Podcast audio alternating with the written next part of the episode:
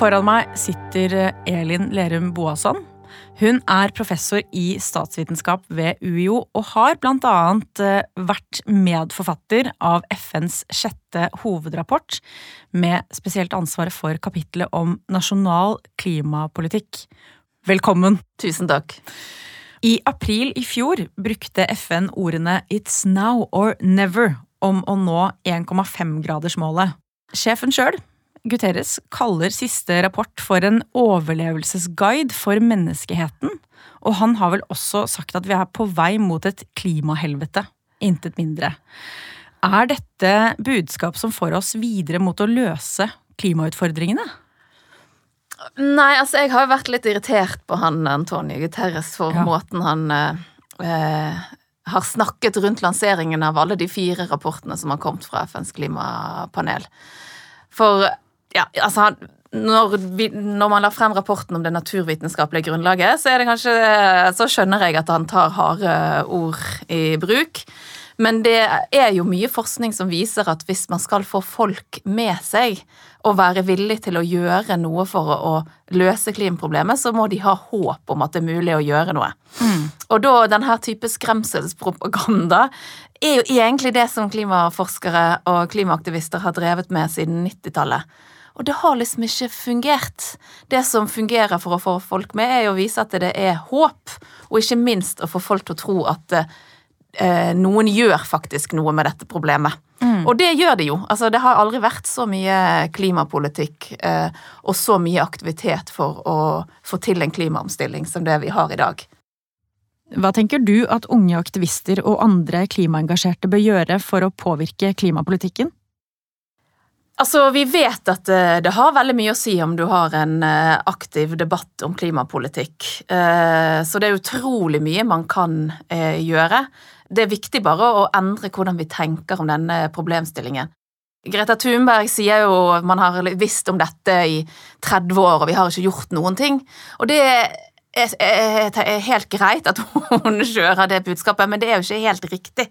For det klimaproblemet For eh, når vi oppdaget det på slutten av 80-tallet, begynnelsen av 90-tallet, så, så, trodde vi at det var nok å bare stabilisere utslippene. Mm.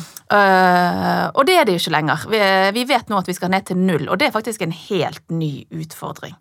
Um, og det, Vi har ikke prøvd så lenge å få utslippene ned til null, men vi vet at uh, små grupper, små aktører, kan gjøre veldig mye. De kan gjøre mye hvis de er byråkrater innenfor uh, organisasjonene sine. De kan gjøre mye innenfor bedriftene hvis de jobber der. Eller sånn som Natur og Ungdom og Gina Gylva kan jo gjøre noe for å snu den offentlige debatten. Og det har jo man miljøbevegelse gjort tidligere i Norge og også i mange andre land. Nesten alle verdens land har nå klimamål. Nesten alle verdens land har bestemt at de skal eh, faktisk eh, slutte eh, å slippe ut utslipp innen 2050, og sånn har vi aldri hatt det før. Prisene på fornybar energi, altså innenfor kraftsektoren, så har faktisk det arbeidet som de landene som har gått i front for å gjøre fornybar energi lønnsomt. Det har fungert. Altså Prisene er bare en brøkdel av det de var for bare noen få år tilbake. Så det er jo mye som eh, tyder på at det virker. Altså Når eh, Antonio Guterres sier at eh, utslippene bare øker og det er ikke håp, så tenker mange nordmenn at det er fordi alle land er som Norge. Det er ingen som klarer å få ned utslippene. Og det er mm. helt feil. Altså De aller fleste landene i Europa, de rike landene i Europa, har klart å kutte utslippene mye. Altså Nabolandene våre, Sverige og Danmark, har kuttet med 30 og 40% Storbritannia og Tyskland har kuttet enda mer. Så øh, Grunnen til at utslippene globalt sett går opp, det er land som Kina og andre mellominntektsland vi er et rikt land som er annerledes enn andre eh, når det gjelder at vi sliter med å få utslippene våre ned. Hvor, hvorfor er det sånn? Det er sånn fordi eh, vi har en oljeindustri eh, som har økt, doblet utslippene sine mm. Eh, siden vi, klimaproblemet ble satt på dagsorden, og vi har investert ko-ko masse milliarder mye mer mm. nå, etter at problemet kom på dagsorden, eh, enn vi gjorde før. Kanskje også fordi oljeindustrien preger litt hvordan vi tenker om ting i Norge. Men så er det også sånn at vi har en kraftsektor som er 100% fornybar, som jo er superbra. Og det hadde vi i utgangspunktet. Og dette kan, kan, brukes som en unnskyldning da, for at vi skal gjøre så lite fordi vi allerede har en, en ren kraftsektor. Og mange peker på at det har vært så utrolig lett for alle de andre landene som kunne gjøre noe med kraftsektoren sin, og det er helt feil. Altså Storbritannia hadde nesten ingen fornybar energi, og nå har de fått opp andelen mye. Og det har kostet mye, altså. Og Stor, eh, Tyskland har hatt, altså det har vært ganske dramatisk, den omleggingen som har vært i kraftsektoren der. Men vi kan lære av det som har skjedd i de sektorene. Eh, for å omstille alle sektorer.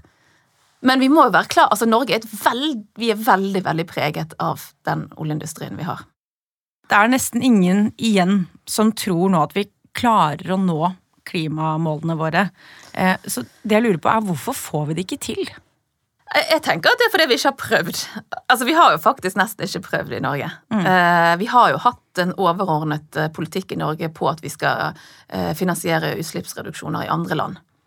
Eh, og de klimamålene vi har hatt, eh, har ofte ikke vært nedfelt i lov, de har ikke vært meldt inn til eh, Kyoto-avtalen som var før, eller Paris nå, eller de har vært uklart formulert. Men vi har hatt noen målsettinger som har vært klart formulert, og de, er, og de har vi nådd. Og de har ofte vært uh, knyttet til at vi skal gjøre ting andre steder. Mm. Og vi har jo gjort også en fantastisk ting uh, når det gjelder Redd Pluss, som er det store regnskogsinitiativet, som kommer i tillegg. Så de tingene der vi virkelig har villet, og det har vært en plan, så har vi jo Altså, vi har jo verdens beste byråkrater. Uh, vi har masse tillit. altså I forhold til veldig mange andre land et helt utrolig velfungerende politisk system. Så de tingene der det har vært Eh, et øns politisk ønske. Det har vært byråkrater som har blitt satt til å jobbe med saken, og det har vært eh, god dialog med næringslivet, så, så det har vi jo fått til. Mm. Så det er jo de tingene vi ikke får til, det er jo de tingene vi ikke har prøvd å få til. Hva tenker du er god klimapolitikk? Altså Hvis vi går til uh, forskningen, så har det jo uh, uh, I begynnelsen så var dette dominert av miljøøkonomer. Og de hadde veldig lyst til å sette seg ned og tenke liksom teoretisk gjennom hva er den aller beste klimapolitikken, eller den optimale klimapolitikken. Og så regnet de seg frem til at det som var liksom helt superfantastisk, kostet minst for samfunnet, var best for alle, var at vi satte en pris på CO2, og alle land i verden måtte ha eh, den samme prisen. Men de bare glemte å, å tenke helt igjennom at vi finnes ikke noe verdensregjering. Mm. Eh, og så prøvde man å få til dette her, og det er jo har jo vist seg umulig eh, å få til. Og nå er jo forskningen kommet der at dette må tenke på ett virkemiddel, og at det skal være helt optimalt. Det er, det er liksom ikke den måten vi må tenke på. Det, det, var en stor endring i den rapporten som jeg var med å skrive, at vi nå sier alle land må lage en klimapolitikk som passer til de utfordringene som er i det landet, og som også er tilpasset hva som er politisk mulig å få til i det landet. Og så må man Eh, de aller fleste land må ha ganske mange virkemidler. Den gangen vi trodde vi skulle bare stabilisere utslipp, så var det kanskje litt mer logisk å tenke på bare prissetting. Men nå vet vi at vi skal ned til null, og da må vi ha ulike virkemidler for ulike sektorer. Men kanskje det aller viktigste er at vi må bygge opp en maktbase. Altså Det må være noen som har mye makt, som eh, styrer klimapolitikken. Og det må jo eh, ofte først være at du har et sterkt departement, sterkt direktorat, Eh, og at du har gode prosesser for dette her. Og vi har jo helt knallgode prosesser for, for statsbudsjett, eksempel, i de fleste rike land.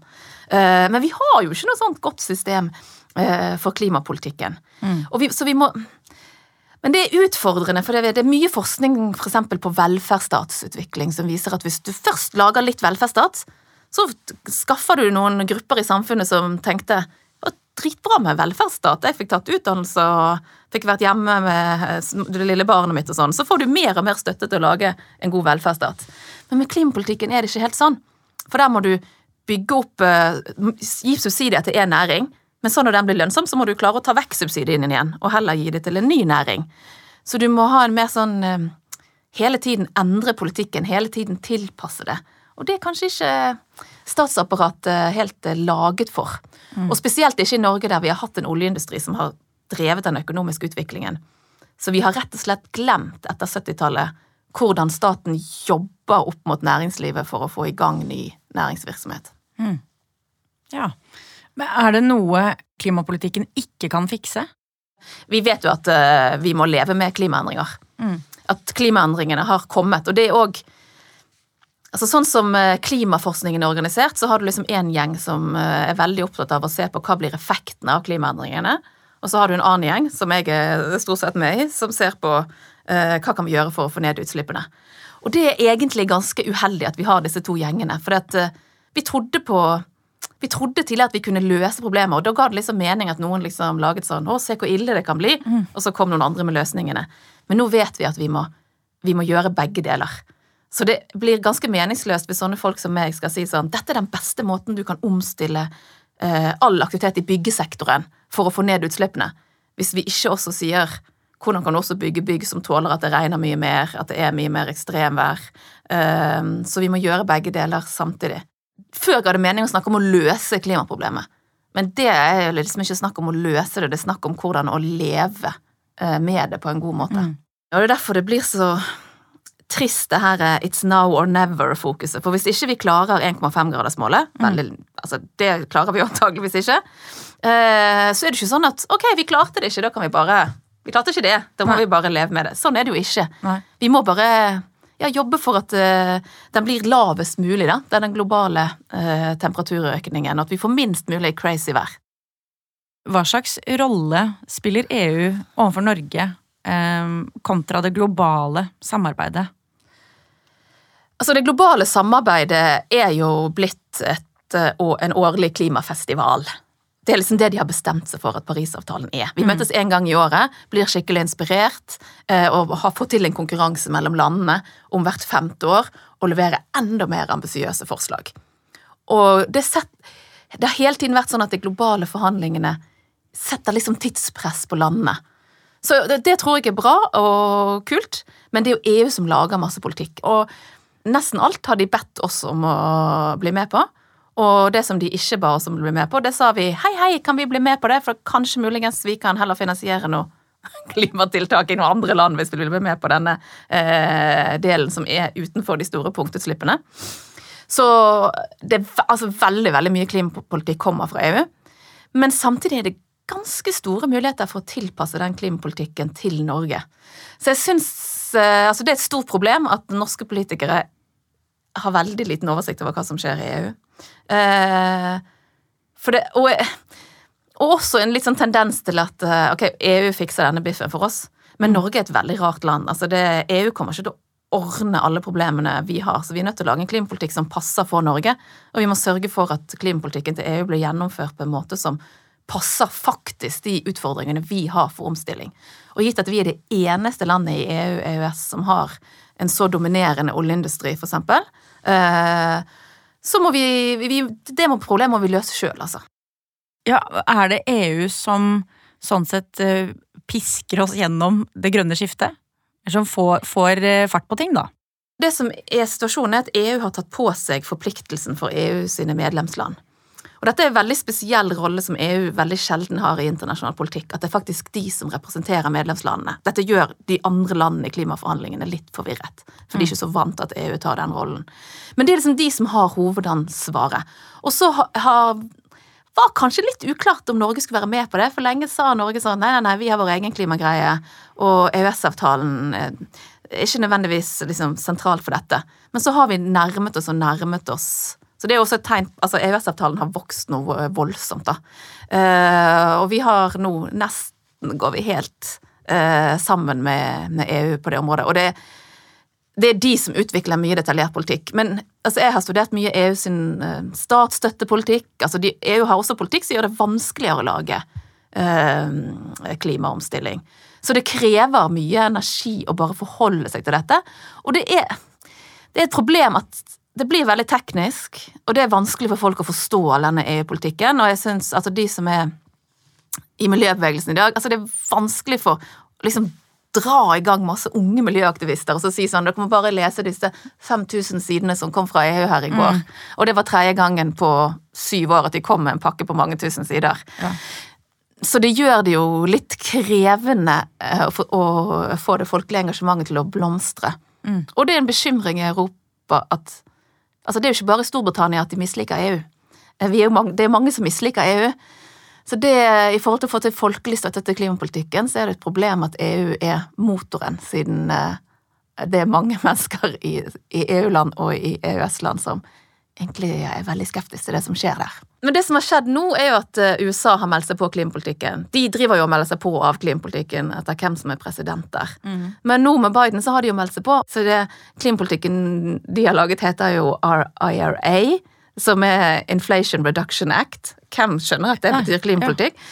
Men det er jo en massiv statsstøtte til eh, eh, selskapet. Altså det er direkte statsstøtte til bilprodusentene i USA. Og det er ting som er Som har vært helt ulovlig å drive med etter at vi fikk eh, Verdens handelsorganisasjon og eh, regler for eh, ja, hvordan man skal styre den liberale verdensøkonomien. Så det kom jo veldig overraskende på EU at USA bare plutselig driter i de reglene som de innførte for 20 år siden. Mm. Men nå har det, det har blitt en ny konkurranse, da. Så det er veldig spennende hva som skjer i den konkurransen mellom stormaktene etter at USA faktisk meldte seg på. Det var jo poenget med Paris, å få til sånn global konkurranse mellom land. Kanskje ikke egentlig poenget var i hvor mye til konkurranse i hvem er best på å gi masse statsstøtte. Eh, Men det var i hvert fall meningen å få en konkurranse i hvem gjør mest for å få ned utslippene. Og nå er liksom eh, Nå er konkurransen i gang. Men er alle regler og pålegg da, som kommer eh, fra EU, også noe som hindrer oss? Eh, ja, altså det kan jo gjøre det, eller det krever i hvert fall at uh, Noen ganger så krever det at uh, norske byråkrater reiser masse til Brussel, og noen ganger tar med seg ministeren sin og Mm. prøver å få EU til å tillempe reglene litt, sånn at de passer oss. Ja. Men det er jo òg litt sånn at du kan alltid skylde på EU hvis det er noe som ikke funker, liksom. Mm. Men de norske klimameldingene i flere runder nå har jo inneholdt masse EU-politikk som ikke det står noen ting om. For hvis det er noe som norske politikere liker og digger, så bare sier de hei, vi har kommet på at vi skal lage nye byggeforskrifter. Mm. Eh, og så sier de ingenting om at ideen kom fra EU. Men hvis det er noe de ikke liker, så sier de åh, EU tvang oss til å gjøre dette. her. Er ikke det en gjenganger i klimadebatten generelt? At eh, folk skyver ansvaret foran seg? Vi har jo òg masse byer og masse kommuner som sier hei, hei, vi vil gjøre mye mer. Mm. Ehm, så du har jo liksom en salig blanding, da. Men i Norge så har du altså Det som virkelig er uheldig i norsk diskusjon, er at vi har så mye diskusjon om hvilke klimamål vi har, og om de faktisk gjelder. Eh, og at vi har vært så treige til å bygge opp et statsapparat som faktisk kan støtte den klimapolitiske omstillingen. Og at ikke vi har, har endret maktfordelingen i staten, og vi har heller ikke jobbet metodisk for Altså, Vi må gjøre noe med denne makten til oljeindustrien. da. Altså, Vi må bygge opp andre næringer som kan tjene penger på å løse klimaproblemet. Ja, for dette lurer jeg på. Eh, Hvor ligger makten i Norge? La oss holde oss nå i Norge. Hvor ligger makta? Norge har bygd opp en stat der Finansdepartementet har veldig mye makt. Mm. Eh, Og så har vi bygd opp et næringsliv der oljeindustrien har veldig mye makt. Um, og dette har vært, at den kombinasjonen har vært ganske uheldig. Eh, Så det vi må tenke på, er hvordan kan vi endre dynamikken i, i, um, i staten, men også i næringslivet. Og samtidig så er det jo det som Det er jo helt utrolig pinlig at vi så seint har begynt å tenke ordentlig om dette, men til og med vi statsvitere, som skal være veldig gode på demokrati og prosesser og sånn, vi har jo begynt utrolig seint å tenke på hvordan skal du få folket med på dette? Mm. Og hvordan skal du sørge for at klimapolitikken blir stadig mer populær? Eh, så altså selvfølgelig, vi er et demokrati, så folket har jo også makt. Eh, så ja, vi må gjøre noe med alle disse tingene, men det vi i hvert fall kan gjøre først, er at eh, vi må tenke på hvordan kan vi styrke miljøforvaltningen. Hvordan kan vi styrke eh, Nå er liksom løsningen til denne regjeringen å prøve å gi mer makt til Finansdepartementet, og at de lager en skikkelig ordentlig gjennomgang av klimapolitikken i hvert eneste statsbudsjett. Og det tror jeg er en veldig god start. Altså, det er veldig mye med det som er bra, men altså Jeg blir sjelden sånn superimponert når jeg møter folk fra Finansdepartementet, så jeg tror vi må gjøre noe for å styrke de som faktisk jobber med klima. Og antagelig må vi sørge for å ha skikkelig bra og flinke klimafolk i alle departementer. Ja. Um, men så må vi også virkelig jobbe for å bygge opp et næringsliv som skriker etter klimaomstilling. Og der har vi bare tenkt sånn, nei, vi skal bare gjøre det kostnadseffektivitet, og skal bare ha klimatiltak hvis de er lønnsomme. Og det er det som er litt sånn uheldig med den elbilsatsingen, at vi har liksom bare støttet Elon Musk og, og bilprodusenter andre steder. Den politikken har ikke ført til at vi har bygd opp en, grø, en grønn industri i Norge. Mm. Så vi må jo tenke på hvordan kan vi bygge opp også grønne industrier i Norge som faktisk kan begynne å og motsi oljeindustrien litt. Og det, det er en av grunnene til at EU ofte lykkes bedre til å lage klimapolitikk, er at i EU så er det etter hvert ganske mange næringsaktører som krever klimaomstilling, og som tjener pengene sine på klimaomstilling. Mm. Um, mens i Norge så har du så utrolig stor dominans av noen som taper penger på klimaomstilling. Mm. Ja, for det må være lønnsomt, har jeg skjønt. Ja, det må være lønnsomt, men jeg tenker òg at det må være kult og artig, liksom. Ja. Uh, så dette her, altså det at elbilene har blitt de, de, bilene som folk syns er kulest og stiligst, og at liksom Fremskrittsparti-velgere eh, kjøper elbiler fordi de akselererer fortere og sånn. Mm. Det er jo noe å lære av. Og det sier også forskningen at uh, ofte så er det sånn at du først gjør noe miljøvennlig og klimavennlig, og så etterpå tenker du Shit, jeg gjorde jo noe klimavennlig, kanskje jeg er litt opptatt av klima? Ja. Og så kommer holdningene etter at uh, handlingene er der. Vi snakker jo ofte om politikerne våre. Um, og du har jo nevnt byråkratene. Uh, altså departementer og direktorater. Um, har de noe makt? Ja, altså de har jo vanvittig mye ja. Vanvittig mye makt. Ja. Og det som skjer nå med EU-politikken, når den er blitt så komplisert, så ligger det utrolig mye makt i bare å oversette de tingene som kommer fra EU. Og nå er det veldig mye av klimapolitikken fra EU som uh, det er Olje- og energidepartementet som oversetter. Og det har ofte en veldig negativ konsekvens for hvordan det blir oversatt. For når det gjelder energieffektivisering, så har vi jo bare latt være, eller vi har trenert å bare ta det inn i EØS-avtalen. Uh, Hvorfor det? Uh, det Godt spørsmål. Vanskelig. Det, altså det, Olje- og energidepartementet har hatt viktigere ting å drive med. Ja. Brukte de bare Google Translate, og så ble det litt sånn dårlig på veien der, eller hva skjedde? Ja, Det har jo vært uh, mange andre energikriser å gripe tak i. Ja. Så det har ikke fremstått som det viktigste. Men det gjorde jo at vi var veldig uforberedt nå når det, energiprisene gikk i taket. Mm. Så var, eh, hadde ikke vi et apparat for energieffektivisering og å bygge sol på folk sine tak som gjorde at de faktisk kunne redusere energiforbruket sitt. Mm. Men byråkratene har veldig mye makt. Ofte så Altså Før trodde jeg at det var fordi de var litt sleipe og liksom drev til seg makt. Men nå når jeg har studert dette her i ganske mange år, så må jeg si at det ofte er så Altså, politikerne har ikke tid til å håndtere alle disse tingene. Og da må jo til slutt noen bare gjøre det. Og da blir det ofte at uh, byråkratene uh, forhandler med næringslivsaktørene. For næringslivsfolk, i hvert fall de store selskapene, har masse penger og ressurser til å henge i Brussel og skjønne hva som skjer der. Mm. Uh, dessverre har ikke fagbevegelse og miljøbevegelse de samme mulighetene. Og så må du til slutt bare få gjort noe. Og hvis politikerne ikke har tid til å forholde seg til det, så må jo byråkrater og næringslivet altså, De må forhandle seg frem til noe. Ja.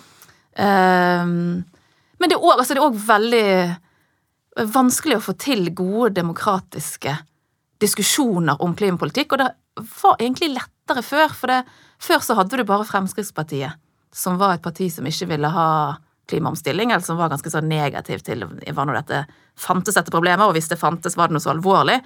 Men nå har du både Senterpartiet og Fremskrittspartiet, så du har liksom ett parti på hver fløy som eh, eh, vil eh, som, som, vil servere altfor enkle løsninger og på en måte ignorere dette som et problem. Og det har gjort det utrolig mye vanskeligere å få til gode eh, og kunnskapsbaserte politiske diskusjoner i Norge.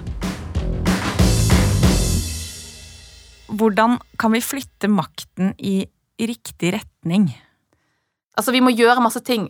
I alle kommunestyrer må det skje noe. I alle selskapene må det skje noe. I alle utdanningene må det skje noe. Altså, Alle elektrikere må begynne å lære andres ting. Alle tømrere må lære andre ting. Vi som underviser på universitetet, må undervise i andre ting.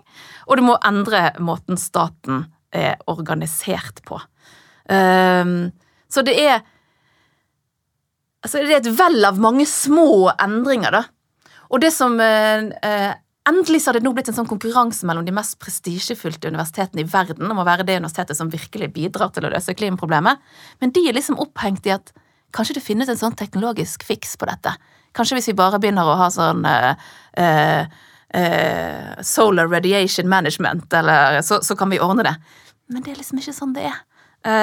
det er sånn at vi må gjøre mange forskjellige ting, og veldig mye handler om politisk eh, styring. Eh, tror jeg, i hvert fall. Har vi et system som er rigget for endring? Nei, Det tror jeg ikke. Nei. Eh, og i Norge så er det veldig tydelig at de, altså måten norske staten jobbet for å få opp petroleumsindustrien Og altså, Norge begynte jo med å bygge betongplattformer når ingen andre i verden hadde gjort det. Det var jo helt sånn koko merkelig eh, ting vi drev med, og så ble det en kjempesuksess. Så, og da hadde vi liksom et apparat for, der staten jobbet sammen med næringsaktører for å få til noe skikkelig stort, og man planla liksom mange tider frem. sant? Begynte med dette på 70-tallet, og det kom ikke penger i oljefondet før midt på 90-tallet. Men den måten man jobbet på den gangen, det eh, Noe av det er ikke lov lenger, altså du kan ikke være så nasjonalistisk i måten du tenker på. Men liksom bare den eh, måten å tenke om hva som er statens rolle i samfunnet, altså det er liksom borte. Så jeg tror at vi trenger å tenke nytt om hvordan skal staten samarbeide med næringslivet, eh, og hvordan skal vi få folk med på eh, prosessene, som vi overhodet ikke er, er rigget for. Og det, vi må, det er jo kanskje litt eh, vi i klimaforskningen sin feil òg, siden vi lenge var veldig opphengt i at ja, bare liksom vi endrer prisen på CO2, så er dette her markedsfeil, så da kan det ordne seg. Og vi i samfunnsfagene har vært supertreige til å si sånn Hei, vi er også klimaforskere. Dette er et samfunnsproblem. Det handler om en samfunnsomstilling. Mm. Vi har overlatt litt for lenge eh, bare ordet å være klimaforsker. Tenkte jeg jo før at jeg, var, jeg er bare en statsviter, jeg er ikke klimaforsker. Eh, men nå tenker jeg hei, det er jo vi som er klimaløsningsforskerne. De der klimaproblemforskerne har gjort altså for en sinnssykt bra innsats. Men nå er det vi som forstår samfunnet som må komme på banen for Mm. å komme med råd og tips om hvordan man får til denne omstillingen. Ja, men men har, har dette systemet eh, kriseforståelse og vilje til endring? For det er jo det vi trenger nå. Ja. øh, nei. nei, det ehm, Altså, eh, jeg har vært i flere debatter med folk som har vært med på, eller hadde viktige roller i koronakrisen i Norge, og da blir jeg bare så misunnelig på den krisen deres. Ja. Eh, for de hadde jo en krise der Eller vi var jo i en krise i hele landet der alle bare Å, oh shit, dette er så krise, det. At vi bare må tenke helt nytt om alle mulige slags ting. Ja. Og så gjorde vi det! Da klarte vi det. Da, ja, vi klarte jo de fantastiske ting. Ja. Men vi vet jo egentlig ikke helt hvorfor vi klarte det. Altså, Vi vet jo faktisk ikke hvor viktig var skolestenging, hvor viktig var vasking av hender, hvor viktig var munnbind. Og, når, og eh, de sentrale aktørene var bare dødsgode til å kommunisere. Vi vet egentlig ikke helt eh, hva som er viktig å gjøre, vi bare gjør alt. Ja. Eh, mens på klimapolitikken så er det fremdeles sånn at ja, vi må vite konsekvensen av det vi gjør, før vi gjør det. Mens eh, jeg tror vi må bare embrace en litt mer sånn Vi må eksperimentere litt. Mm. Og så må vi sørge for å forske mens vi gjør det, så vi finner ut hva som fun- funker, og stoppe med det som ikke funker. Gå videre med det uh, som funker. Men altså, det er virkelig et dilemma, dette her med at du trenger en kriseforståelse, men du trenger også håp. Så hvordan få til begge ting Samtidig. samtidig? Hvor ligger motstanden her? Jo, men du har jo altså Klimainteressen i folket går jo eh, i sånne sykler. Og så går det opp, og så går det ned, og så går det opp. Så du har jo hatt mange tidspunkter i historien der folk har vært skikkelig klar for at nå må vi gjøres ting. Ja. Men du har liksom ikke politikerne handlet. Og da har det ikke vært det har ofte da ikke vært motstand fra folk, men da har det vært motstand fra næringsliv. Så det er jo noe med å være klar til å handle når du har folket på din side. Så spørsmålet da er jo hvordan skal vi få disse politikerne til å få opp eh, farta her og, og handle som vi trenger? Eh, hvem er det jeg må fotfølge, da, for å si det sånn? Ja, nei, jeg tror du må fotfølge politikere, ja. Mm. Men eh, det som er det, at de politikerne må jo kanskje gjøre litt ting som ikke de umiddelbart får ære for. da. At hvis man endrer liksom staten til å gi mye mer makt til miljø- og klimafolka, så er det kanskje ikke noe som synes umiddelbart. Så utfordringen er kanskje vi må finne en måte å snakke om dette på som gjør at, vi, at de kan få litt mer sånn ære og berømmelse for de tingene de gjør. Ja. Ja, Så det er jo en felles uh, utfordring. Å heie det frem. Ja, å heie det frem, ja. Ja, at det blir populært og artig og kult, som du sa. Og Ja. være mer opptatt av eh, klimapolitikk. Så nå vil jo jeg holde fast i dette håpet. For det føles det som at det er det eneste jeg har nå. Eh, hvorfor bør jeg være håpefull?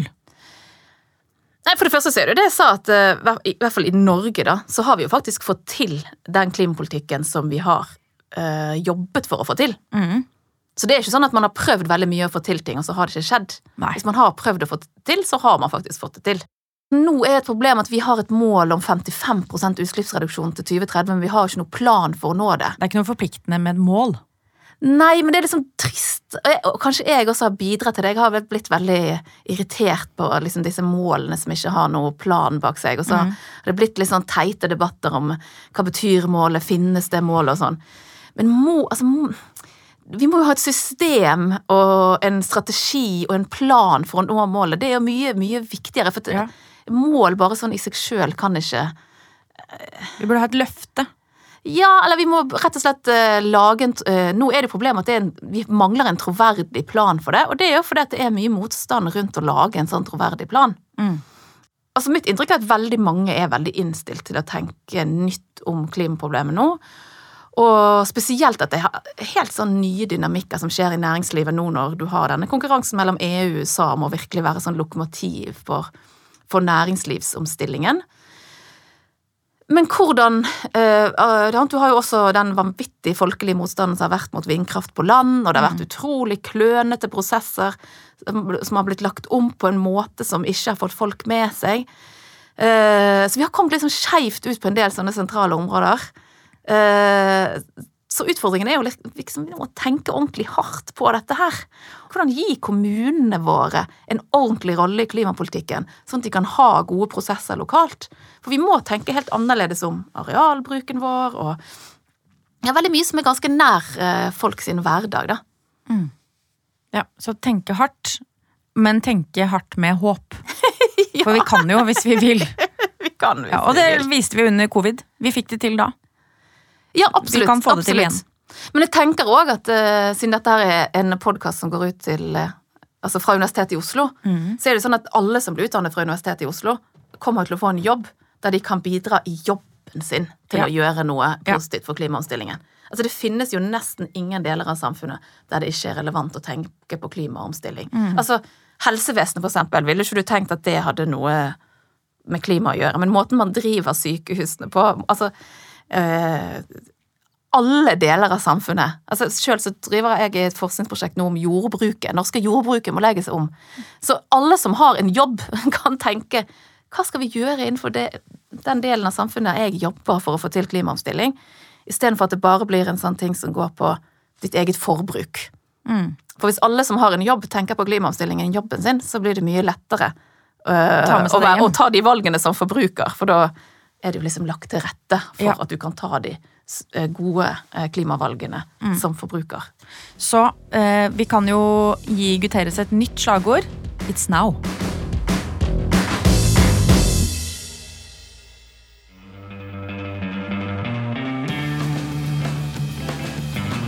Denne podkasten er fra Universitetet i Oslo ved ansvarlig produsent Arild Blomkvist. Programleder er Sofie Frøysaa, produsent hos både og er Håkon Lange, og klipper er Olav Nedberget. Dersom du likte denne podkasten, vil jeg anbefale Sofiekuppel Norge, hvor Sofie Frøysaa inntar rollen som diktator, og gjennom seks episoder finner oppskrifter på å kuppe Norge. Dette er en episode i Universitetet i Oslo sin podkast Universitetsplassen. Her hører du forskere og gjester snakke om et vidt spekter av tema og viktige samfunnsspørsmål.